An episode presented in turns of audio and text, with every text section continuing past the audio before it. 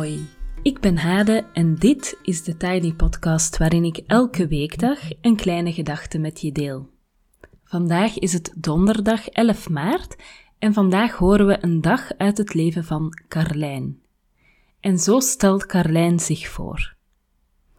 Ik ben Carlijn, 41 jaar en ik werk in het voortgezet onderwijs. Ik ben moeder van twee dochters, een vijfjarige tweeling, Nele en June. Mijn dochters heb ik gekregen met behulp van een vooralsnog anonieme spermadonor. Ik ben een zogenaamde BAM-moeder, bewust alleenstaande moeder. Al prefereer ik de benaming solo-moeder of het Engelse single mother by choice. Ik ben niet bewust alleenstaand, maar heb wel als alleenstaande heel bewust voor kinderen gekozen. En ik heb alle tijd gehad voor die keuze. Het was een jarenlange weg vol teleurstellingen met uiteindelijk een prachtig resultaat. Verder is het goed te weten dat ik in mijn privéleven een grote chaot ben en vooral geen huishoudelijk wonder. Voor we een dag meegaan in de beleving en het leven van Carlijn, en dus ook van Nele en June, vertel ik nog even iets over deze rubriek. Ik denk dat het ontzettend helpt om compassie, mildheid en begrip voor elkaar te krijgen als we af en toe een keer een blik in elkaars hoofd en leven kunnen werpen. En ik denk dat dat via deze weg heel goed kan. Het gras lijkt heel vaak een pak groener aan de overkant, en door even mee te kijken in het leven van iemand anders, krijg je daar volgens mij een wat realistischer beeld van. Andere mensen, ook die bijzondere vrouw die net als ik een meisjestweeling heeft, hebben hun dagelijkse struggles en hun dagelijkse fijne momenten. En voor ik dadelijk de dag van Carlijn met jullie ga delen, ook nog even vertellen dat ik uh, aan het nadenken was van, uh, van waar ken ik Carlijn ook alweer. Um, zij heeft een aantal van mijn cursussen gedaan. Um, maar ik heb het idee dat ik Carlijn al langer ken. Um, ja. Dus dat is ook wel een bijzondere gewaarwording, dat je zo het gevoel hebt dat iemand al langer in je leven is en dat je niet precies kan terugwijzen naar het moment uh, waarop die persoon in je leven kwam. Het is dinsdag en zoals vaak begin ik deze dag niet met een uitgeslapen gevoel, omdat ik doorgaans nachts een aantal uren wakker ben. Tegen de ochtend val ik weer sluimerend en dromend in slaap, waardoor ik vervolgens mijn bed moeilijk uitkom. Om 6 uur 45 kruipen mijn dochters bij mij in bed, even knuffelen. Maar om beide kinderen een arm en hun hoofden op mijn schouders, met om beide kinderen een arm, sorry, en hun hoofden op mijn schouders kletsen we over hoe de dag eruit ziet. Om 7 uur 15 kunnen we niet langer blijven liggen. We moeten nog in de kleren ontbijten en er moeten brooddozen en fruitbakjes klaargemaakt worden. Het is coronatijd en omdat ik een cruciaal beroep heb en vijf dagen op school werk, gaan de kinderen ook de hele week naar school. Terwijl de meisjes zich aankleden, maak ik het ontbijt en de lunch klaar, ondertussen zeggend dat ze een schone onderbroek aan moeten trekken en of ze op willen schieten. Als het ontbijt klaar is, loopt June nog steeds rond in haar pyjama. Ik zeg dat ze nu echt op moet schieten omdat het al laat is. Ze laat haar schouders en hoofd hangen en zegt dat ik haar verdrietig maak als ik zo boos praat. Ik stop even met jagen. Dit vriendelijke meisje heeft ochtends een ander tempo dan ik en dat is oké. Ik hou haar vast en leg uit dat ik niet boos ben, maar wel hard en ongeduldig praat omdat we een beetje laat zijn. Ik help haar even met aankleden, geef haar nog een knuffel en stort mij weer op de lunch. Tussen het vullen van de doosjes en bekers door drink ik een kopje koffie en eet ik een bakje yoghurt. Als alle tassen gevuld zijn, haren gekamd en iedereen klaar is, vertrekken we. Na de meisjes bij school uitgezwaaid te hebben, fiets ik door naar mijn school. De ochtend breng ik door met het begeleiden van zorgleerlingen die op school hun onderwijs volgen. Om 12.30 uur vertrekt de laatste leerling en race ik naar huis, zodat ik nog wat kan eten voordat ik om 13 uur een vergadering start. Om 14.25 uur verlaat ik voortijdig de vergadering en wandel in straftempo naar school. Ik ben aan de late kant en June komt mij al enthousiast tegemoet rennen. Ik til haar op en zwier haar in de ronde. Nele blijft staan wachten bij het hek tot ik iets meer in de buurt ben, maar rent dan ook blij op mij af.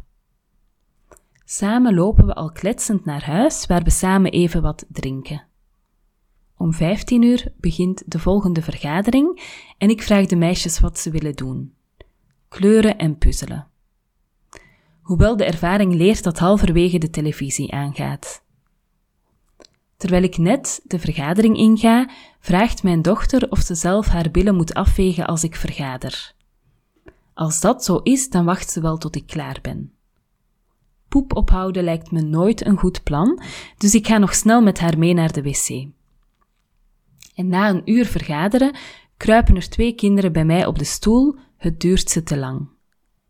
Met twee dochters, een knuffelpoes, twee pinguïns en Chase uit Paw Patrol op schoot, vervolg ik de vergadering die om 16.30 uur voorbij is.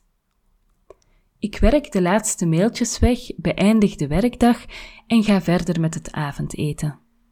Op het menu staat bietenstampot met warme appeltjes. Een favoriet van mijn zeer kieskeurige kinderen, vanavond geen gezeur over eten en samen in rust aan tafel. Terwijl ik de keuken opruim, kruipen de meiden op de bank. Als ik klaar ben, lees ik een verhaal voor, kijken we Klokhuis en het Jeugdjournaal en dan is het bedtijd voor de dames. We doen ons dagelijks ritueel van kusjes, knuffels, hoe was de dag en andere zelfverzonnen afsluiters. Om 19.45 uur start de online bijeenkomst van Fit Werkt. Ik ben namelijk weer eens op dieet. Of eigenlijk probeer ik mijn leefwijze te veranderen door gezond te eten, zes eetmomenten op een dag te hebben en het gros van de voedselverleidingen te weerstaan. Dit keer hoop ik het langer dan twee dagen vol te houden. We gaan het zien. Om 20.30 uur plof ik op de bank met een kop warme koffie. Hoewel mijn boek en breiwerk binnen handbereik liggen, kijk ik met één oog televisie en met de andere bekijk ik mijn telefoon, bekijk ik op mijn telefoon wat er in de wereld gebeurt en scroll ik zinloos door social media kanalen. Om 21.30 uur vind ik het tijd om naar bed te gaan. Zoals iedere avond kijk ik even bij de kinderen. Eén bed is leeg en in het andere liggen twee meisjes dicht tegen elkaar aan in diepe slaap. Iedere avond ben ik dankbaar voor deze bijzondere mensjes die in mijn leven zijn gekomen en mij uitgekozen hebben als mama. Een laatste kus en aai over een bol alvorens ik naar mijn slaapkamer loop en daar diep onder de dekens in bed duik. Ik bedenk, morgenmiddag zijn we vrij. Hoe fijn is dat? Tot zover de dag van Carlijn. Carlijn, dank je wel om dit te delen. En toch ook even zeggen dat ik het ontzettend bewonder hoe je als single mother by choice alles aanpakt en redt. Ik vond het al zo complex een tweeling te krijgen samen met Pieter. Um, en ik heb echt geen idee hoe ik dat alleen aangepakt en gered zou hebben. En ik kan mij voorstellen dat voor um, alleenstaande ouders, by choice of niet by choice, zeg maar, die hele coronaperiode natuurlijk nog veel intenser um, is dan voor mensen die het met elkaar uh, hebben zien te redden en die bijvoorbeeld hun werktijd uh, onder elkaar kunnen verdelen. Tot slot nog even vertellen dat er volgende week een stille ochtendclubje start. Ik zet de link in de show notes. Wat we gaan doen is elke ochtend, zeven dagen op rij, van maandag tot en met zondag, uh, van zes tot zeven, de dag samen starten in een Zoom-meeting met een door mij begeleide stilte. En dat is niet echt een meditatie, maar het is een uh, stilte uh, waarin je je bewust bent van een aantal dingen, waarin je ook incheckt bij jezelf bijvoorbeeld. Um, en het idee is dat je daarmee vanuit stilte en rust je dag kan beginnen en dat de dag er dan echt heel anders gaat uitzien of aanvoelen dan als je na tien keer snoezen het op een rennen zet. en ja, dat durf ik bijna beloven. Ik heb intussen best veel ervaring met vroeg starten. Uh, en soms denk ik, nu heb ik echt wat meer slaap nodig. En dan uh, slaap ik bijvoorbeeld tot kwart na zeven of half acht. En ik merk altijd, ik beklaag het mij elke keer. Uh, ik merk altijd dat mijn vroege start ehm, en mijn bewuste start van de dag veel meer garantie geeft op een fijne, goede dag dan een paar extra uren slaap zouden kunnen doen op dit moment in mijn leven. Maar kijk maar even in de show notes als je graag wil deelnemen. Tot zover voor vandaag. Je kan me volgen op Instagram, TheTinyPodcast. Je helpt me door deze podcast wat sterretjes te geven op iTunes, een review achter te laten en of hem door te sturen aan iemand anders die er misschien ook graag naar luistert.